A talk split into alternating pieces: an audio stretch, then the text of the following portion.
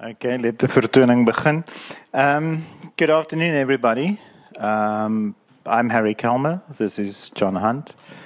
Um, I've known John for many, many years. Um, and uh, um, we met each other in advertising when I worked for him. Um, and yeah, so we've come a long way, and, and, and we've also had these parallel careers on other levels. Uh, John is also a playwright, as you know, and he's also a novelist. And which sort of leads to my first question to John, and it's just before the mics were turned on, we were talking about our old friend, uh, J.M. Coetzee. Um, and I always get this quote wrong, so I'm going to read it from my phone. But I think in the context of this discussion, it is, it is quite pertinent. Um, and that is the famous James Coetzee quote that's so well known, and that's why I'm reading it here because you all correct me on the way. All autobiography is storytelling. All writing is autobiography. Um, John, do you agree with Coetzee on that? Tough first question. Well, thank you, Harry. Um, probably 90%. Um, and it's very difficult, I think, to write if you're not referencing something inside you. And I think um, various authors have various ways of camouflaging that mm-hmm. and various ways of being very open about it. Um, and I suppose I'm guilty of exactly that in the book because um, I was I, brought up, I was brought up in Hillbrow. The book has many, many parts that are absolutely true factually to um, my upbringing in the Bronx in the in the 60s. Uh, but then it moves around a little bit, and um, certain things have changed. Some I don't know. Maybe I'm uh, just uh, a bit sensitive about things, but most of those, I would suspect, the, the stranger things are true, and the more benign things I've I've changed. Uh, I have, for example, I have a sister who doesn't appear in the book, um, but I didn't want to put her in because it just seemed to complicate the plot. But most of the questions that people ask me afterwards is, was that part of the truth, or was that one of the things you made up? Um, they normally get those wrong. Does that answer your question? No, it does up to a point. Uh, well, this is the actual truth about John uh, that I'm about to share with you. John is the author of the novel The Space Between the Space, his book The Art of the Idea, which celebrates the power of ideas to move the world forward, has been translated into several languages. He is currently worldwide creative uh, chair of advertising agency network TBWA, having previously co-founded TBWA Hunt Lascaris. He grew up in Hillbrow and he still lives and works in Johannesburg.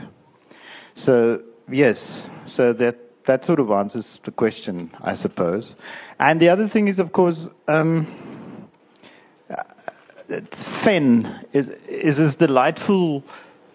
Is it 10, 9, 11? Yeah. yeah. 11. The, the, delightful character who lives in, in Hillbrow, and he lives in this wonderful world of his own.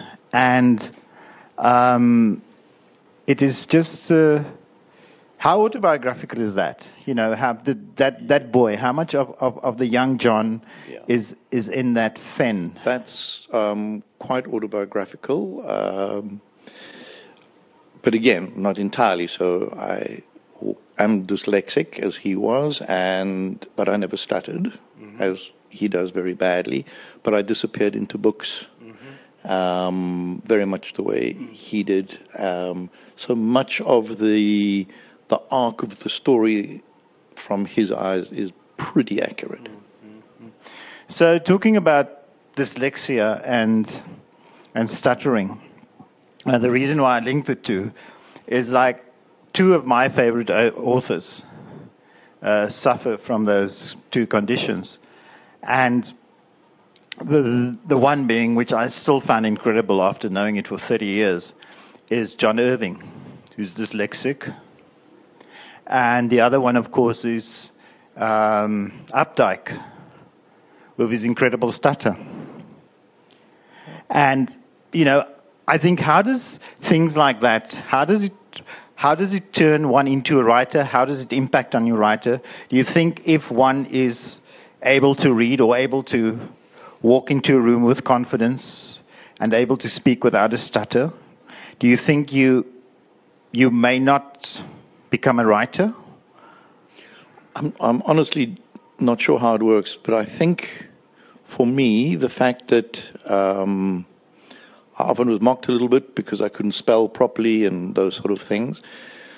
But when you write, you can correct. It's your time. You can look, you can tell the story. So there's not that present momentness about it. And when you, um, even as a kid, when you're writing stories, it's in your own space. And in a way, who cares if you're making spelling mistakes or, or getting things wrong? So I think for me, writing became a bit of a sort of escape hole mm-hmm. from the literalness of yeah. spelling and making those mistakes.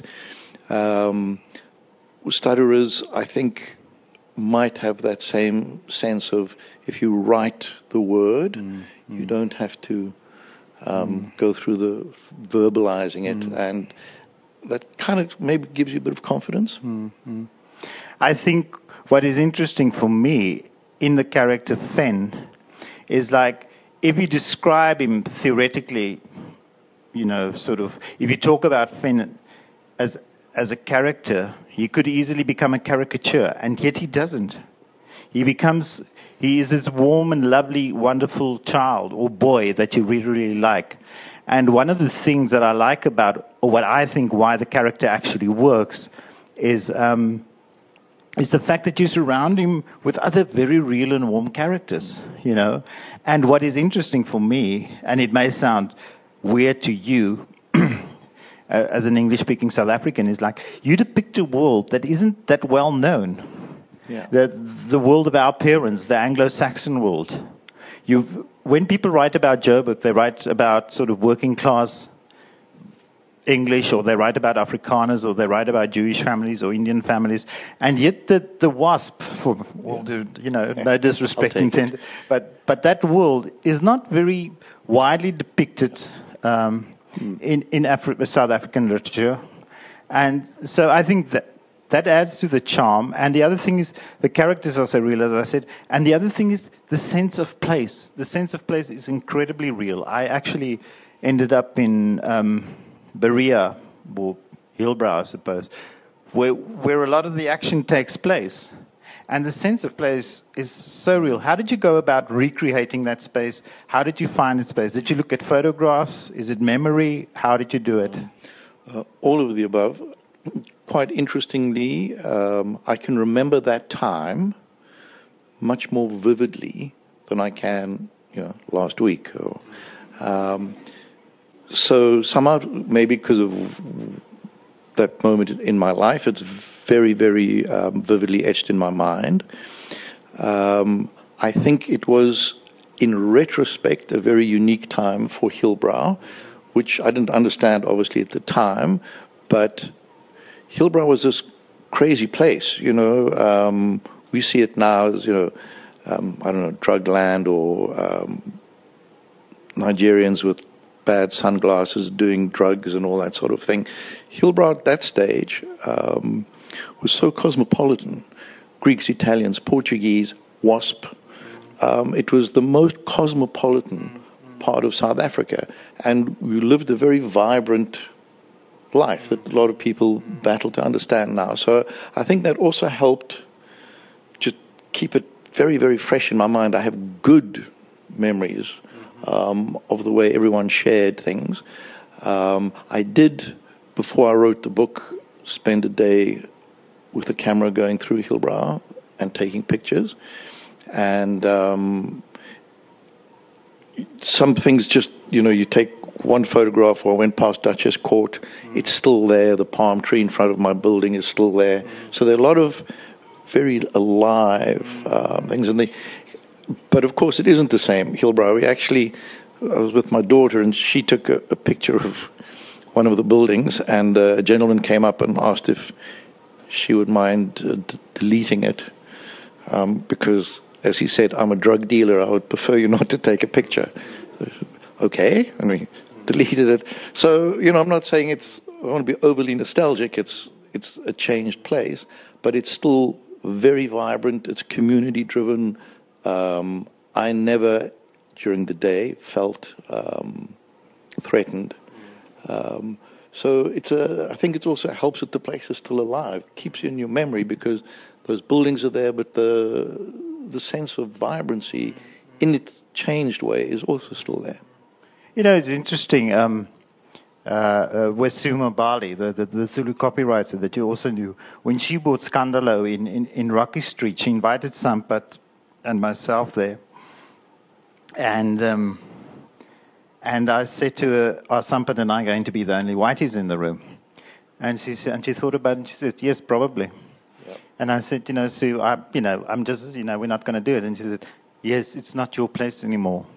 And I still live two blocks, three doors down from where I lived in Yeoville. I live in Observatory now. But that sense of like, it's not my place anymore. And yet when I go through there on a right morning, on the wrong morning, it feels like I'm in sort of Beirut 1982. But on, on the right morning, it is quite a wonderful place. You know, I can just see, you know, it's just not little guys going down to the school anymore. It's it's now little Nigerian guys. It's not little Jewish guys going down. It's you know it's little Nigerian guys or little Zimbabwean guys. So it's that's changed. It's a, it's an interesting observation that you make. You know that. And I, I think it's one of the uniquenesses of South Africa. It's it's so not one is better than the other. It's just there it is, and this has happened in a relatively short space of time. Um, so you know, some people will think Hillbrow or places like Yeoville are demised. Other people say it's a celebration because it was so terrible beforehand. Because it's also important to understand that, you know, Hillbrow in the 60s was, although in of itself it was very cosmopolitan and, you know, people were giving peace signs to everyone, it was still in the middle of a very closed, horrible net of apartheid that was getting closer and closer. So yeah, it's very difficult to have one kind of comment that just sums everything up. It's everything's got its nuance. I know it's it's interesting because uh, one of the they asked me to teach a course at Wits if I would be able to if I would be willing to teach a course at Wits called Writing the City and specifically writing Joburg. And one of the things that I will do is, is, is I will put this book next to Room 206 and Hillbrow, Our Hillbrow, and see how the Hillbrow of the 90s and noughties compares to the to the Hillbrow of the 60s and the 70s. And I'm sure that you'll find things are quite different, but yet they're still the same. The sense of community. You have a huge sense of community, even though you see yourself as an outsider. Yeah. Uh, Freudian slip. Fenn sees himself uh, uh, exactly. uh, as an outsider. He has a sense of community, though the wonderful characters in the book, yeah. in the in the apartment block, in the block of flats. Um, the, the, the Lebs down the road. The, the little boy come. Where does he come from? Does he come? The Greek guy. Yeah, the Greek guy. You know, so so he has a sense of community and, and belonging. So it would be interesting. To, I'm sure that that sort of sense of community still survives. Um, absolutely. Yeah. Absolutely. Yeah.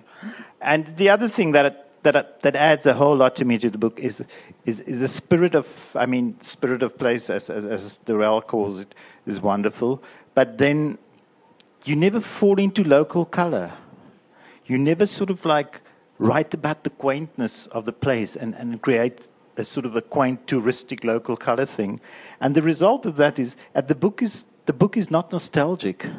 It does not build on regret and what has gone past and, oh, wasn't that the good old Joburg that we all knew and love? It, it is a celebration of a time, and yet there is not a yearning back to it. How did you do that? Did you consciously do that? Did you set out to. Um, there, there were two issues that worried me about the book. The first is I didn't want it to be mawkish because it was, you know, 11 year old going through tough times, and I didn't want it to be sentimental, so I was very aware of that potential danger. And the other was, although Hillbrow at that time was unique and amazing and had all these terrific, um, I suppose, um, you know, in a visceral and an abstract quality, it was nothing like anywhere else in South Africa. People would drive in from Vereeniging and Vanderbijl Park and wind up their windows and you know look at the crazies and be able to go home and say I drove through Hillbrow, you know, so and survive. So, so it was unique, but I also had to be aware it was just a tiny pin in a horrible South Africa that was slowly getting more and more um, conservative. You know, if you weren't a white person in Hillbrow, just outside was pretty terrible. So I didn't want it to become as if this was a Camelot. Um, for me, as a little boy, it had unique wonders, but I didn't want it to be put up as, you know, oh, if only we could go back here, everything was perfect. I think the other thing that, that's also interesting in, in that sort of what we just what I just mentioned about spirit plays is, is the spirit of the objects in the boy's life. You know, is is his grandfather's watch, the ugly painting of, of the clown, right? That, and then the radio, and the tape recorder. And this is a bit of a curveball, maybe, but I just wondered yesterday, when this morning, when I looked at page 68 again. I just want to read you this thing. It's a lovely little scene. Um, it was it was the uncle. He, brings a, a tape recorder to the house or to the flat where Fenn's very ill dad is still around, and he records them. And the father and his uncle says, "So posh, say something. I am trying to record your voice." It was their voices, but it was not then. Fenn marveled at the mystery of it all. Everyone seemed delirious. His mother giggled incessantly while trying to wipe away the tears from her eyes. His father body shook as his pajamas ballooned with his clutching, with his chuckling. Fenn wondered if his father was bloated, if his father, bloated with laughter, might lift off the bed and float towards the ceiling. Each time his heaving chest tried to, each time his heaving chest tried to catch his breath, he let out a loud snort and triggered the whole room again. Uncle Ed paced the room, eventually seeking refuge behind the oxygen cylinder, where he cackled and guffawed in the corner. The room had never been so happy. The magic box had turned a dark cell smelling of hospital into an enhanced place by merrily playing their own voices back to them. And this scene, I now realize, rereading it out loud, it contains one of the elements of this book that that I'll, I'll, dwell, I'll dwell on a bit more later.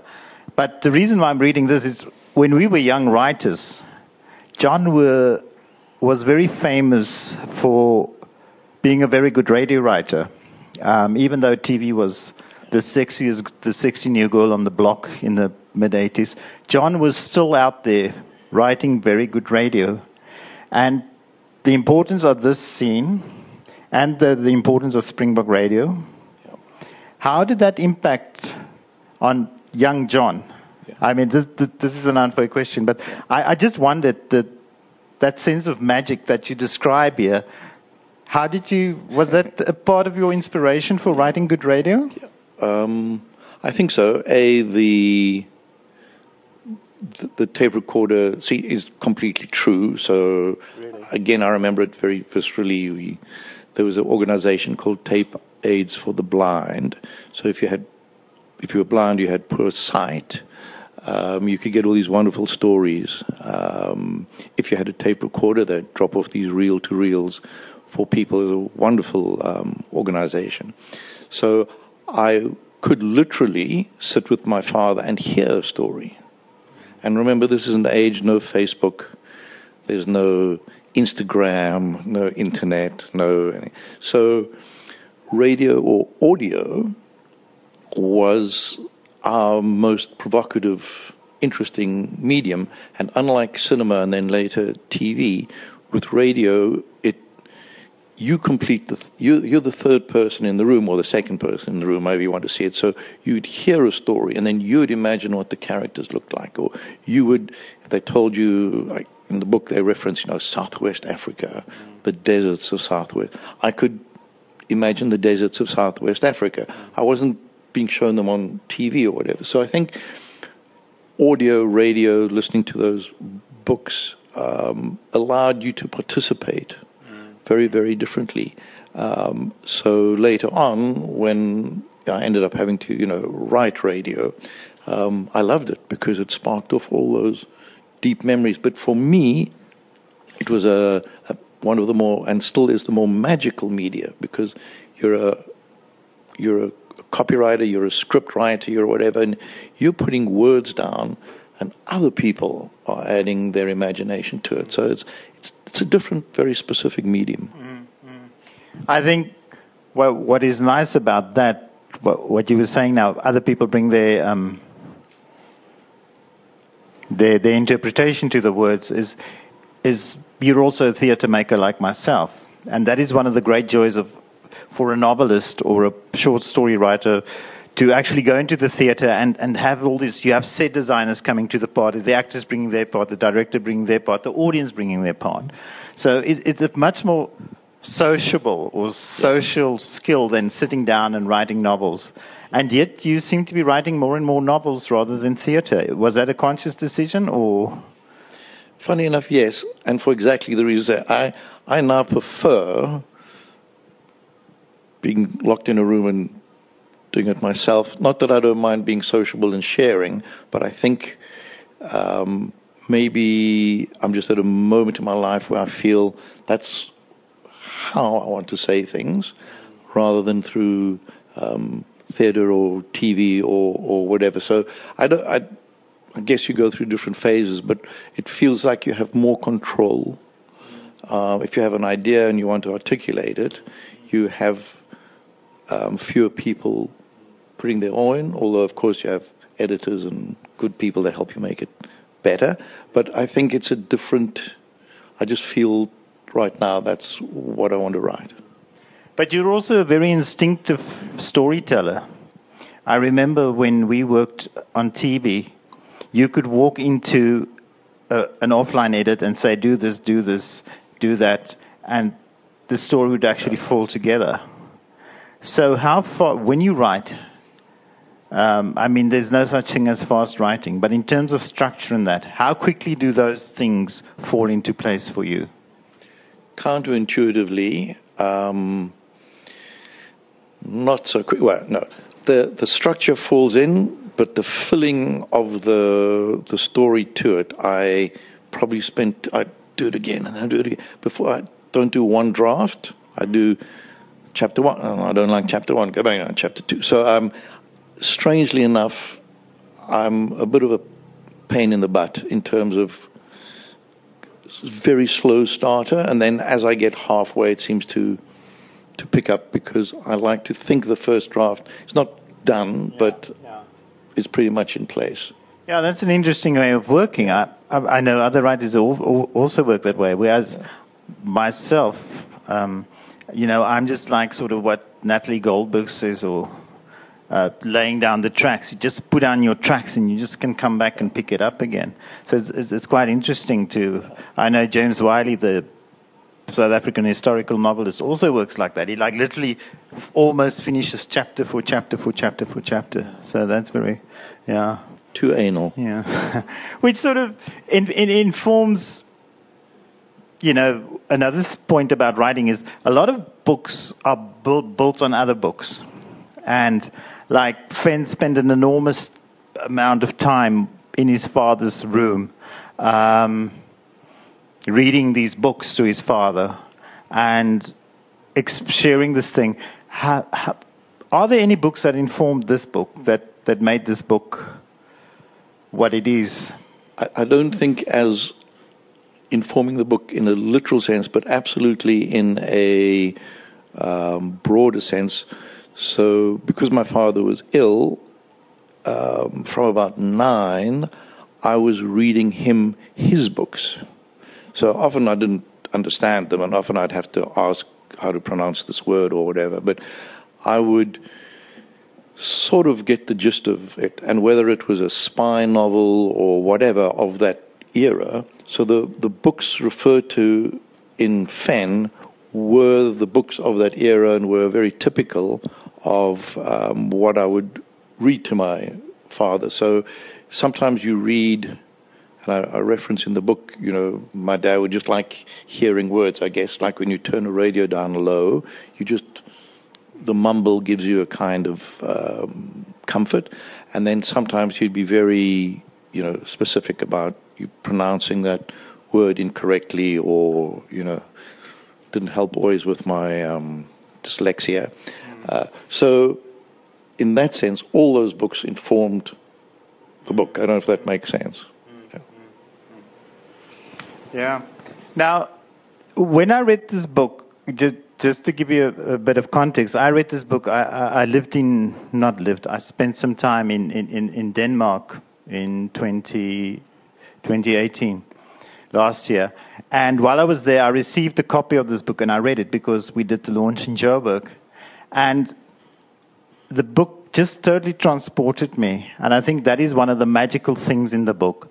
And to those of you who've read the book, um, will know what I'm talking about. And to those of the, the thing that springs into mind the moment you start reading certain scenes in the book, you start thinking, wow, this is magic realism. And because it becomes totally sort of almost surreal, but with a little silver glow around it. Um, tell me about that. How, how did that happen? Uh, the, the, the, most obvious scene in the book is, is a scene in a park in Hillbrow. I assume it's at Nugget Hill or down there, where this lady's feeding the birds, and it just becomes like this magical moment, right? And then as the story progresses, it becomes even more magical. To tell me about the magic that you found in the everyday in this book. Um, well, I think there is magic everywhere. So, I, so I think often it's to be found as opposed to, or, or to be noticed and seen and acknowledged rather than to be invented. I'll give you a classic example. I flew down to um, Cape Town this morning. Uh, there was a man in front of me with a check under his arm. It was for 10,000 Rand. You know, when you win a golf day or something, I don't know, those big. He's walking around with a one meter large check under his arm. I mean, and you could see when he got to the, you know, where's he going to put this check? He's flying, you know, and you could see the the the the, the, the ground staff sort of, chat, you know, and he's not going to get rid of this check. Now that's magic realism, but it's re- you know what I mean. Where on earth? What what is the story there? But if you wrote it, you'd almost think, well, someone, you know, John had too much wine last night and he's kind of made this thing up. But I think life is full of these things, mm. and you just have to be open to observe them, and the magic pours out. So I think a lot of it is observed reality, mm. and then sometimes the observer or the author can step back a bit and mm. contextualize it or play with it a little bit. But there's no shortage of, of magic in the world. I think it's just we are so processed and we are so pushed to almost turn full color into black and white, uh, as opposed to the other way around. Yeah, I think the the note that I, or the realization that I came to at, at the end of the book was, it's actually not magical realism. It is realistic magic. Yeah. It's the book does exactly what John described. Now he finds this moment. There's, there's a scene at the end of the book where this young child climbs to the top of a building under construction, and it's the most beautiful sort of lyrical, magical description of Joburg at night, and yet it is real. It becomes almost, it becomes magical, but yet it is totally based in the reality of, of the, the, this little 11 years, 11 year old's uh, world. And, and, and that I found totally fascinating. And those of you who haven't read the book, that is the one thing that makes this book really, really exceptional uh, in what you know what is around in South African writing at the moment. I just find it so refreshing. Um, now, words, stories, books. Each each title of the of the of the chapters of the books have like a little name. It's each is a word, the title. How important are words to you? How important are stories to you? How important are books to you?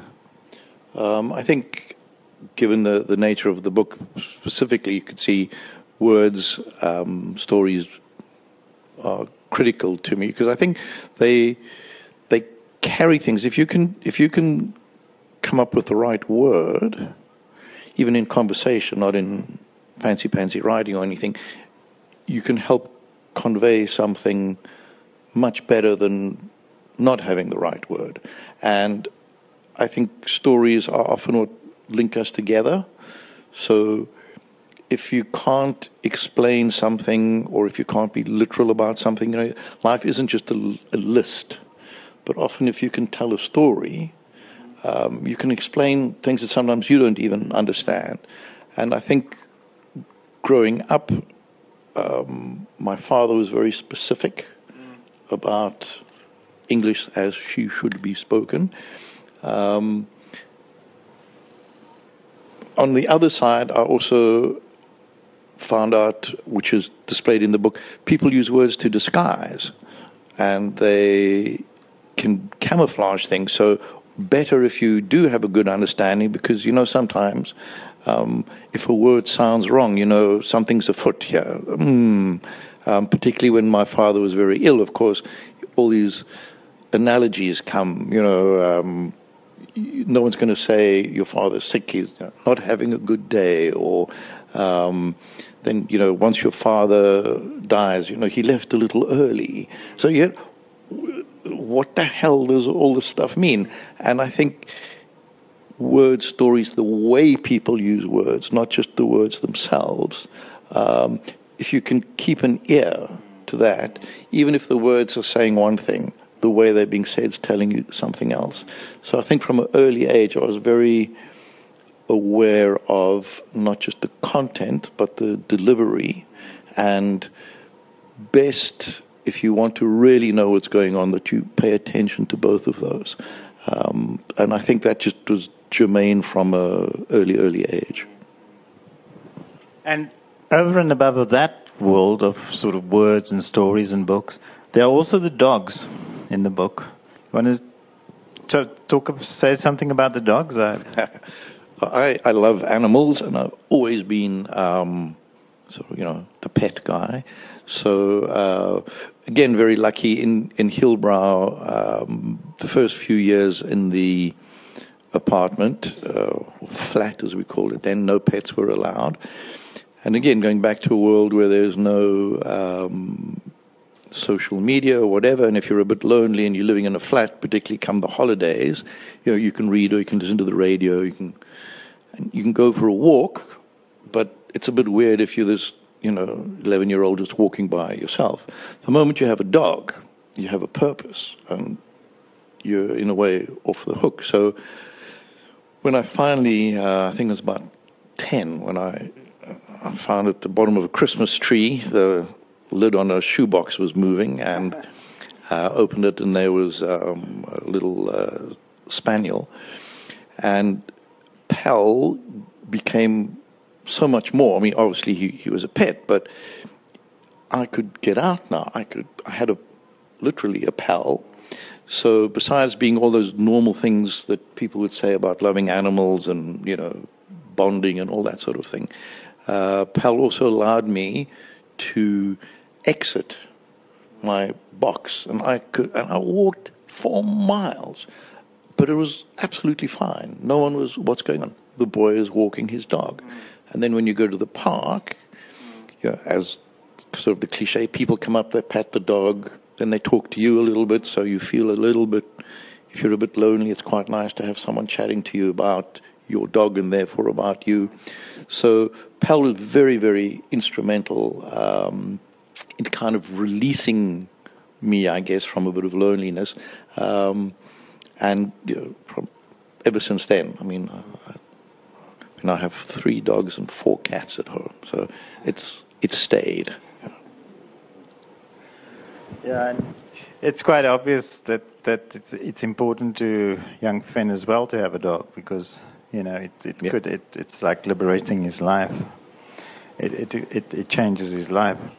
Um, I think that um, uh, tell me about the, the characters that you that we find in the book, Uncle Ed, uh, uh, and the grandmother, and all those people.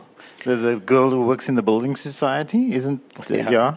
I mean, tell me about those characters. Are they like? I mean, where did they come from? Are they based on people that you remember? Are they, Yeah. or were they create? Are they as- No, they're all- assemblages? all people. Um, so Uncle Ed was my Uncle Jimmy. He was a wonderful guy, but a complete, um, terribly well mannered, wonderful hearted guy, but could never do anything. So he just was always waiting to help and very rarely did. He was in love with my mother, but he literally did get pushed aside by my dad during the Second World War. So, but he hung around for 40 years. You know, just hey, I'm still here. I'm still here. Um, wonderful man, and very. But you know, that was Uncle Ed. I did have a Scottish grandmother. Um, it wasn't quite as large as I make out in the book, but she was you know, Calvinistic. Um, you, boom, you don't mess with her. She arrived in South Africa in 1922, the day she gave birth to um, my mom. No nonsense. Um, that absolute Protestant work ethic. Um, if you don't have any money, well then you go without. What's the what's your point? Um, you work hard and you make sure that at any stage your sort of conscience is completely clear. Calvinistic time to the power of ten. Um, didn't really understand sympathy, but at the same time was very um, sort of loving in this strict way. So I don't go, what's wrong with you? Stop being silly. But then bring me a cup of tea without saying anything. So um, very, very, um, I guess that doer Scot. Um, who else do you, you want to talk about? We got all of them. They're all real. Um, the we had the, my best friend at the time, or for a while, Varkas Papadimitriopoulos. Um, really annoyed the hell out of me because I was a skinny kid and I don't know what his Greek guys. He just seemed so much more muscular, and um, I don't know. He just had so much everything I didn't have. He had so he, confident. He was a much better soccer player than me. Mediterranean, good looks, skinny little white guy with pale and you know. Um, so Varkas was the kind of guy I would I wanted to be, but never ever had the self confidence to even get close. Uh, but all all of those people are real, and that was the the joy of even the the leb at, at school. Um, crazy guy, you know. You don't mess with the lebs, and you don't mess with an 11 year old leb either. Um, because at that stage they came from predominantly from Mayfair. They were part of a gang. Um, they weren't scared. They weren't scared of teachers because you know you just teacher might find it, his car disappears that weekend, kind of thing. So, um, and that was the joy of, of Hillbrow because. Uh, cosmopolitan in terms of country and cosmopolitan of style, a little bit of a waspy. Um, the girl who worked in the building society uh, stayed two floors above me, and she had a bit of a dubious reputation because she was very pretty and wore very short miniskirts. And that was the time where you could also go braless. So I, I remember that very well.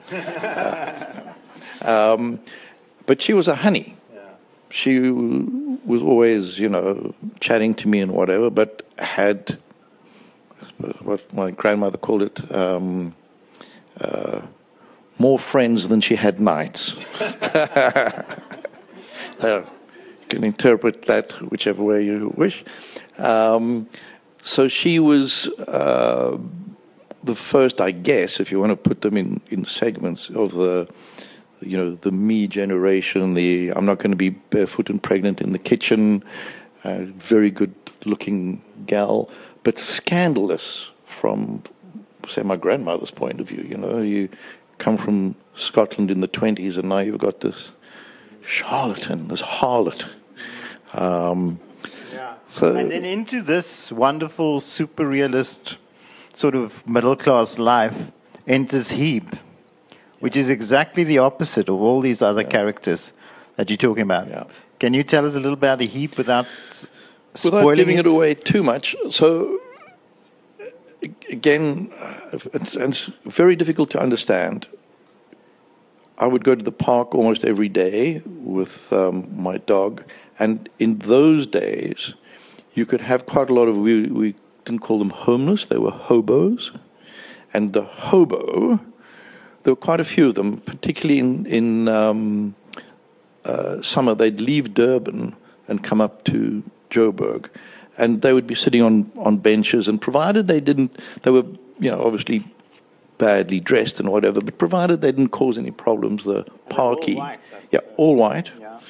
Um, the parkies we call, we just let them, you know, you can lie and sleep there, but come five o'clock, off you go.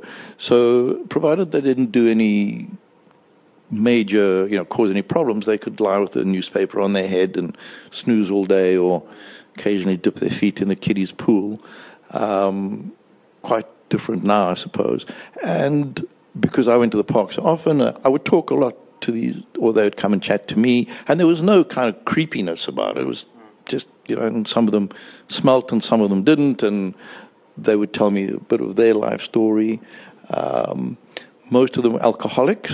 Um, some of them recovered, um, but by and large, you know, not aggressive, not nasty. Um, some were maybe a little bit cuckoo, um, but not in a scary sense. So Heb is a a bit of a combination of all those people I used to talk to, um, and some were. I mean, you could see they'd fallen on hard times, and they their past was. You know, they were very articulate, smart. You could see through the grime. They were uh, very educated, etc., etc. Some were, you know, a little bit more full of nonsense. So I just thought of all those people and kind of created one. And yet, Heb is not any is not any of those things that you just said. Yeah, he's not untied. He's not.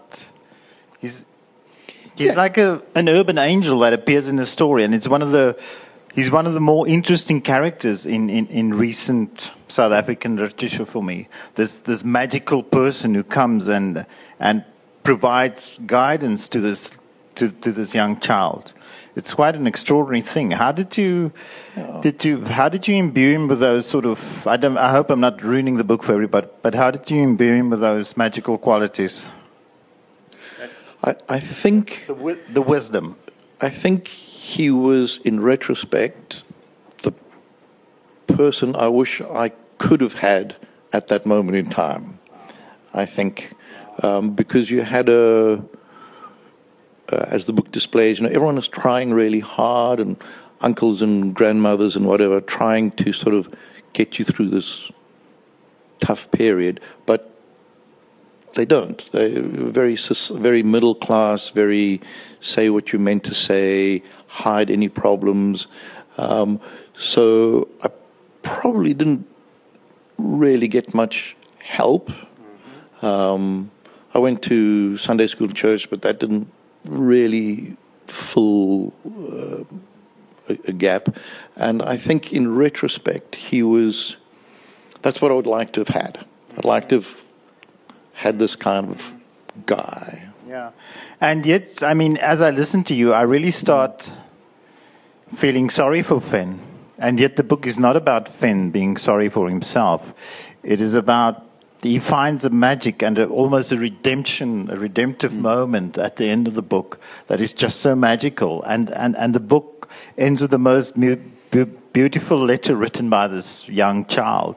And he just like pulls the whole book together in a wonderful way. And for those of you who haven't read it, it is an extraordinary book. One is always nervous to sort of look at a friend's book or review a friend's book or blurb a friend's book. And yet, I read this and I was one of the first people who spoke in public about it. And I, after the, the launch, I thought, wow, bit of an oversell. And I'm glad that I didn't. You know, the critics also picked it up on it, and the readers picked up on it. It's, it's been reprinted and reprinted. So, you know, those of you who haven't read it, it's quite a wonderful book. Um, and maybe that's a good place to stop the, the, the discussion. Um, I, I would now like to offer you a chance. Uh, any questions? Can we have a mic down here? Okay, can, can, can you speak without a mic? Yes, I can. Yeah, okay. Don't get afraid. um, first of all, John, I would really like to thank you from the bottom of my heart for gracing us this afternoon with your presence and your wisdom. Um, I would like to start with a question. I would like to know more about John the person, because we've spoken a lot about John the writer. Now, in my view, I know John Hunt from uh, Hunt Lascaris. You won almost all the advertising prizes that could have been won. Uh, the, the, picture I've got in my mind uh, historically is whenever John Hunt is there, it's either money or prizes. so I've got uh, one question, uh, three questions in one. Number one, if you had to write a story about your own life, what would the title of it be? Number two, which book had the biggest influence in your life? And the last part, which books have you given away to other people most? Wow. not, um, Is he allowed to ask um, the first question, if, if I were to write a book about myself, genuinely, it would be something like um, Still Working It Out or My Life So Far or something you know, it, it doesn't feel to me in any way as if it's concluded. So I don't know if that's sort of just kind of, you know, you, you get to some level and then maybe something else opens and some, so maybe um, that's it. The second question was which book influenced me the most? Um, again, difficult to give one because I think also when you're reading the book, in that moment of your life, that book impacts you a lot. So it's terrible because a lot of people would say this. Um, the, there's, there's sort of a set of books that opened me up, starting with um, probably reading books that I didn't quite understand, but getting paragraphs and being excited by it, sort of um, opening my mind a little bit more, even if I wasn't too sure. And by the time I was 15, 16, 17, I was probably reading books that maybe was a little bit old for me and still not fully understanding it, but and um, the one that absolutely caught me at that time, I think I was about 15, was Catcher in the Rye, which is very famous and a little bit, almost as you say it, a lot of the you might go, oh my God, it's not that classic. I mean, it's sort of a, coming of age thing. But for me, when I, I think it was second last year at high school, it just, the story and where I was, and just boom. So that's always been held up. But then I read a lot of Steinbeck. Um, and um, all of his books. I sort of then got mad after reading um, Catcher in the Rye. And I think I read five Steinbecks in a row because that was the next thing. So if you're saying absolute effect, probably the Catcher in the Rye and the Steinbecks as a developing guy that really um, just stuck with me. Um, and then the third question was? Uh, there's no one, but I give books away constantly. So that's my calling card. Um, I read a book I like, and I immediately give it away. Um, it's changed a little bit because so much is online now, and you. I much prefer old-fashioned. Much prefer here's some paper with a cover. Read this thing and maybe write something in the front page. Um, so I've that's my my wife kind of like mocks me. oh, you know, he liked this. You know, here we go again.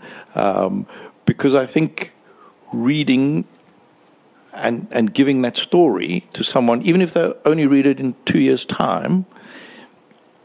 Uh, I don't know how to explain. So I, to say to someone, if you if you really want to know someone's Facebook profile, go and find out what the last three books are that they've read, and that. You know, so I, I don't know if that sort of answers your question, but yeah. Any other questions? Yeah. What, what were the last three books that you read? um, uh, the Milkman, um, the one with which is not a, a fiction story. It's a um, J.M. Coetzee just got it all out on what's it? It's trying to think of the title. It's essays, recent essays, so, which I don't normally read, but I just I started reading it and it's really helping. I mean, obviously he's genius, and you to read about writing um, helps me and the one before that was again someone's going to go, oh no, that's a bit of a cliche thing. Is the one about the girl in England who's a bit of a sort of alcoholic. Um, Elephant is fine, yes, that one. Um, so I'm very eclectic. I don't get stuck on um, specifics. I kind of, and I'm terrible because I travel quite a lot, and airport libraries you know, they see me coming. Okay.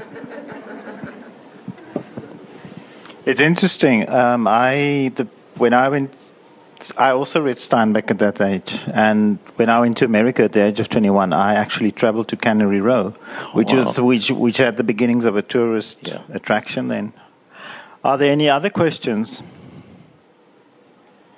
Um, yeah, I just yeah no. Thank you very much, John. Thank you very much for coming. Um, I hope you enjoyed it.